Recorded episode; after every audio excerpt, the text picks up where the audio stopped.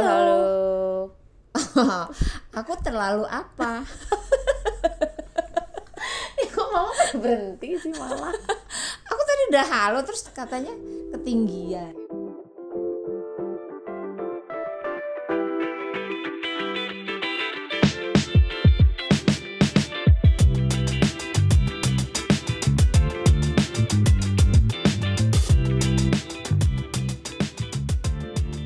Podcast Cerita sama Mama episode 8. Yeay. Di episode 8 nih aku mau cerita ya. Eh, tiap episode aku mulu yang cerita ya? Ya emang Ya kenapa? nggak apa-apa sih ya, namanya juga cerita sama mama ya. Hmm. Ya, tapi bisa dong dibalik kapan-kapan jadi cerita sama anak gitu. Yaudah next episode mama yang cerita ya. Next episode aku mau cuti tuh. Anak magang kok kamu- udah cuti. Eh, kok magang terus udah setahun? Mana Ya Allah teganya. Jangan, pokoknya mama nggak boleh cuti ya. Next episode mama yang cerita. Jadi eh, di episode ini aku mau ceritain nih ya. Eh sebelumnya semua episode kita nih based on true story ya mah ya. Iya. Nah sekarang ceritanya dari salah satu temanku. Pas zaman zamannya masuk kuliah dulu. Nah ini aku inget banget nih ya ceritanya. Jadi dia nih dulu dipush banget sama orang tuanya untuk jadi dokter. Hmm. Karena emang orang tuanya juga dokter. Nah, terus diikutin lah, dia ambil fakultas kedokteran dan lulus cum laude. Oh bisa. Nah, oh. jangan senang dulu. Oh. Abis lulus, dia kasih tuh ijazahnya ke orang Hmm. tuanya. Dia bilang, aku udah menuhin apa yang mama papa mau. Hmm. Sekarang aku mau sekolah yang aku mau. Aku mau sekolah fotografi. Oh, oh, oh, oh, Nah. oh, merinding aku. Jadi nggak kepake ya dokternya. Nah iya. Ya emang orang tua dan anak belum tentu punya potensi yang sama. Ya. Meskipun satu garis keturunan, misalnya orang tuanya pedagang nih, anaknya nggak mesti Nggak- jadi pedagang, pedagang ya. juga. Hmm. Eh, Dan hal umum yang terjadi, orang tua emang cenderung suka ngebentuk anaknya untuk jadi seperti dirinya. Oh, ya yang udah-udah sih karena orang tua pengen anaknya juga berhasil seperti dia. Mm-mm. Atau orang tua punya cita-cita, punya mimpi yang belum kesampaian. Hmm, Nah, terus oke. pengen anaknya yang mewujudkan mimpinya. atau prestige orang tuanya. Nah, ada juga Bisa gitu, juga. demi Ah. gengsi ya. Mm-mm. Ya intinya maksain keinginan orang tua ke anak. Banyak contoh sih, misalnya orang tuanya nggak kesampaian jadi dokter, terus maksa Mm-mm. ya keke minta anaknya jadi dokter. Mm-mm. Ini kebalikan Iya, kalau yang eh, tadi kan yang tadi ya. orang tuanya dokter juga ya. Mm-mm, mm-mm. Nah, bukannya nggak bisa anaknya jadi dokter, anak bisa jadi apa aja yang diinginkan Iya. orang tuanya, mm-mm. terlepas dari dia suka atau nggak suka. Tapi nanti kalau kayak gini tuh anak secara nggak sadar jadi kayak dendam gitu gak sih, Eh, mah? dendam gimana? Iya kayak lihat nih ya, aku turutin dulu deh Hmm. pokoknya maunya mama gitu. Jadi Mhm. emang cuman sekedar buktiin aja gitu ke Ya, orang ya, ya, tuanya. Ya karena ada ketakutan di anak, takut nggak Ah. ngebahagiain orang tuanya. Nah iya kan kalau nggak nurut orang tua ntar dibilang anak durhaka. Oh, kayak kutukan? Dendam nyipele. Iya. Nah, ya kan? Hmm. Kalau nggak nurut orang tua tuh sama dengan anak Iya durhaka. iya iya. gitu. Kita lihat kita lihat kepatuhan anak di sini nih. Jadi ada syaratnya Hmm, kepatuhannya. iya. Mm-mm. Yang penting aku ikutin dulu kemauan orang tua. Iya. Nah, abis itu lihat nih ya. Terserah gue.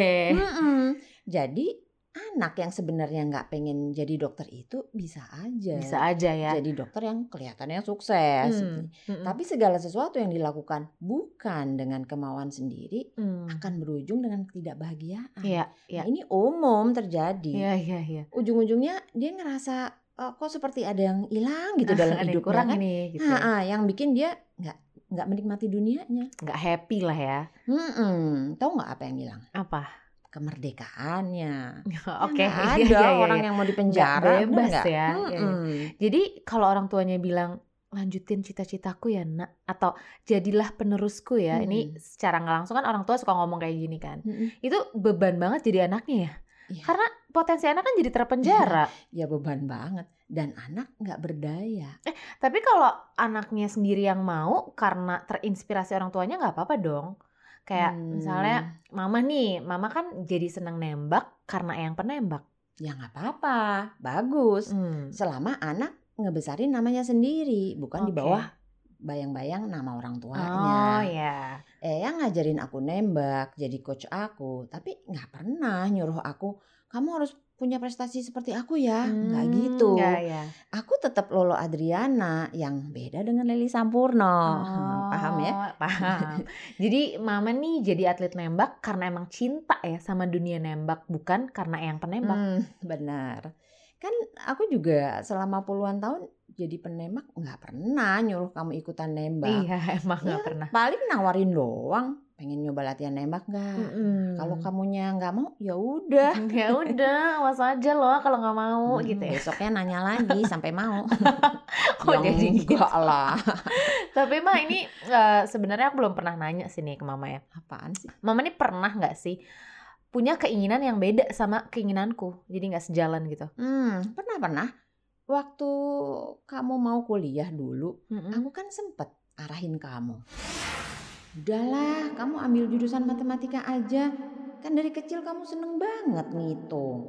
Matematik tuh nantinya bisa dipakai di mana aja. Percaya deh. Ha, inget banget sini tuh. Nah, padahal senang sama sesuatu belum tentu sesuai sama potensi yang sebenarnya. Ya, Tapi bagusnya waktu itu kamu punya argumentasi yang kuat untuk nggak ngambil jurusan itu. hmm, ya kayaknya emang waktu itu mother knows best lagi nggak berlaku ya. Oh, sedih.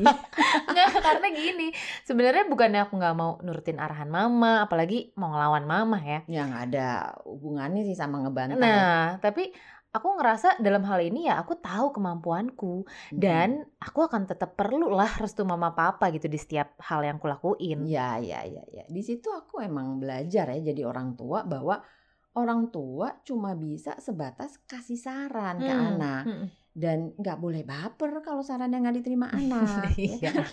Nah, seterusnya anak yang nentuin dan mastiin apa yang dia mau. Hmm. Orang tuanya tinggal mengaminkan. Di situ restu orang tua. Setuju, anak juga jadi nggak beban ya karena tuntutan orang tuanya. Nah, ini ini yang aku hindari sama kamu. Hmm. Aku nggak pengen ngebentuk kamu uh, emas jadi robotnya aku. Hmm. Kamu ya kamu gitu dengan potensi kamu sendiri. Iya, iya. Buat aku anak ibarat komputer super canggih yang nggak perlu lagi dimodifikasi. Udah punya default sistemnya sendiri ya. Nah, benar. Eh, ini nih ya masih nyambung sama keinginan orang tua nih. Hmm, hmm. Aku sering denger para ibu ngeluh anaknya makin gede makin gak nurut. Nah loh, kenapa tuh ternyata? Nah, aku justru bilang itu bagus. Bukti kalau anak bertumbuh jiwanya, pikirannya, termasuk keinginannya. Waktu anak masih Hmm. kecil, keinginan anak tuh kan masih sedikit. Iya, heeh. Nah, yang dominan keinginan ibu bapaknya. tuanya.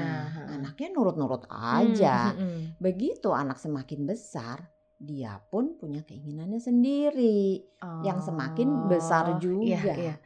Nah, kalau orang tuanya juga masih punya segunung keinginan yang pastinya beda dengan keinginan anak, jadilah konflik keinginan antara orang tua dan Oh, anak. Konflik of interest ya. Nah, itu bahasa kerennya. Nah, konflik of interest ini kebacanya sama orang tua, wah anak gue udah nggak nurut Udah lagi, menurut lagi nih. Jadi konflik of interest nih ternyata bukan cuma ada di dunia kerja aja ya, tapi di rumah juga ada. Ya justru di dalam keluarga, Hmm. kalau orang tuanya masih punya banyak keinginan sendiri, masih pengen ini, pengen itu gimana? Mm-mm, iya. Anak refleksi orang tuanya loh. Bukannya orang tua nggak boleh punya keinginan. Ya namanya orang hidup pasti punya Pasti keinginan. punya lah, iya. Iya, siapa bilang aku nggak punya keinginan? Uh, mungkin. banyak. Oh, Tapi sebisa mungkin disesuaikan sama keinginan anak-anak. oh, Kira-kira gitu. akan bentrok nggak nih gitu. Hmm, Karena hmm. ini lagi masanya anak yang punya banyak keinginan. Iya, iya. Orang tua kan dari muda udah banyak dapetin keinginannya. Gantian dulu lah ya. Nah, iya. gitu. Ya sebisa mungkin anak nggak perlu tahu lah Hmm, keinginan orang tua tuh apa gitu. Karena nanti malah eh, ngebatesin anak untuk mengekspresikan keinginannya yang sesuai sama potensinya Hmm. dia. Karena tahu itu ya tadi ya keinginan orang tuanya nggak sejalan Nah, sama keinginan sejalan. dia. Mm-mm. Berarti mah akar keributan orang tua dan anak nih karena perbedaan keinginan dong. Benar. Inti masalah orang tua dan anak tawuran yaitu Oh tuh bir. nah tuh bir Mama tahu ya kan anak digit. Tahu dong tubir ribut kan? Benar. Terus mah jadi orang tua dan anak sering tubir nih karena perbedaan keinginan itu ya tadi. Nah, padahal yang ngajarin anak punya keinginan siapa? Orang tua ya? Hmm, aku kan yang ngajarin kamu punya keinginan. Aku yang pakein Hmm. kamu baju sampai kamu bisa nentuin sendiri pengen ba- pakai baju apa, Ah. mereknya apa. Aku Iya. juga yang kasih kamu makan Mm-mm. sampai kamu bisa milih sendiri apa makanan kesukaan kamu. Iya, jadi Hmm. orang tua sendiri ya yang nyiptain gaya hidup anak. Nah, gitu. Tuh. Terus mah kuncinya apa dong nih Ma untuk ngurangin terjadinya konflik of interest antara orang tua dan anak? Begini ya, Nak. Oke, serius, siap. Jadi orang tua itu modalnya bukan cuman mencintai anak doang. Kalau cinta sama anak sih nggak perlu diomongin lagi Oh, lah. udah pasti lah ya. Iya, tapi yang jauh lebih penting adalah mengenali anaknya, Hmm. mengenali perubahan anak hari Hmm. demi hari, mengamati perubahan anak yang dulu, yang sekarang, dan yang nanti. Hmm, bukan cuman mencintai tapi mengenali ya. Mhm. Kalau gitu orang tua nggak cuman mentang-mentang jadi orang tua ya, yang cuma bisa kasih nasihat aja gitu ke anaknya. Kamu gerah nggak kalau tiap hari aku nasehatin Wah, terus? bukan gerah lagi sih, sumuk. Hmm, sama aja tong.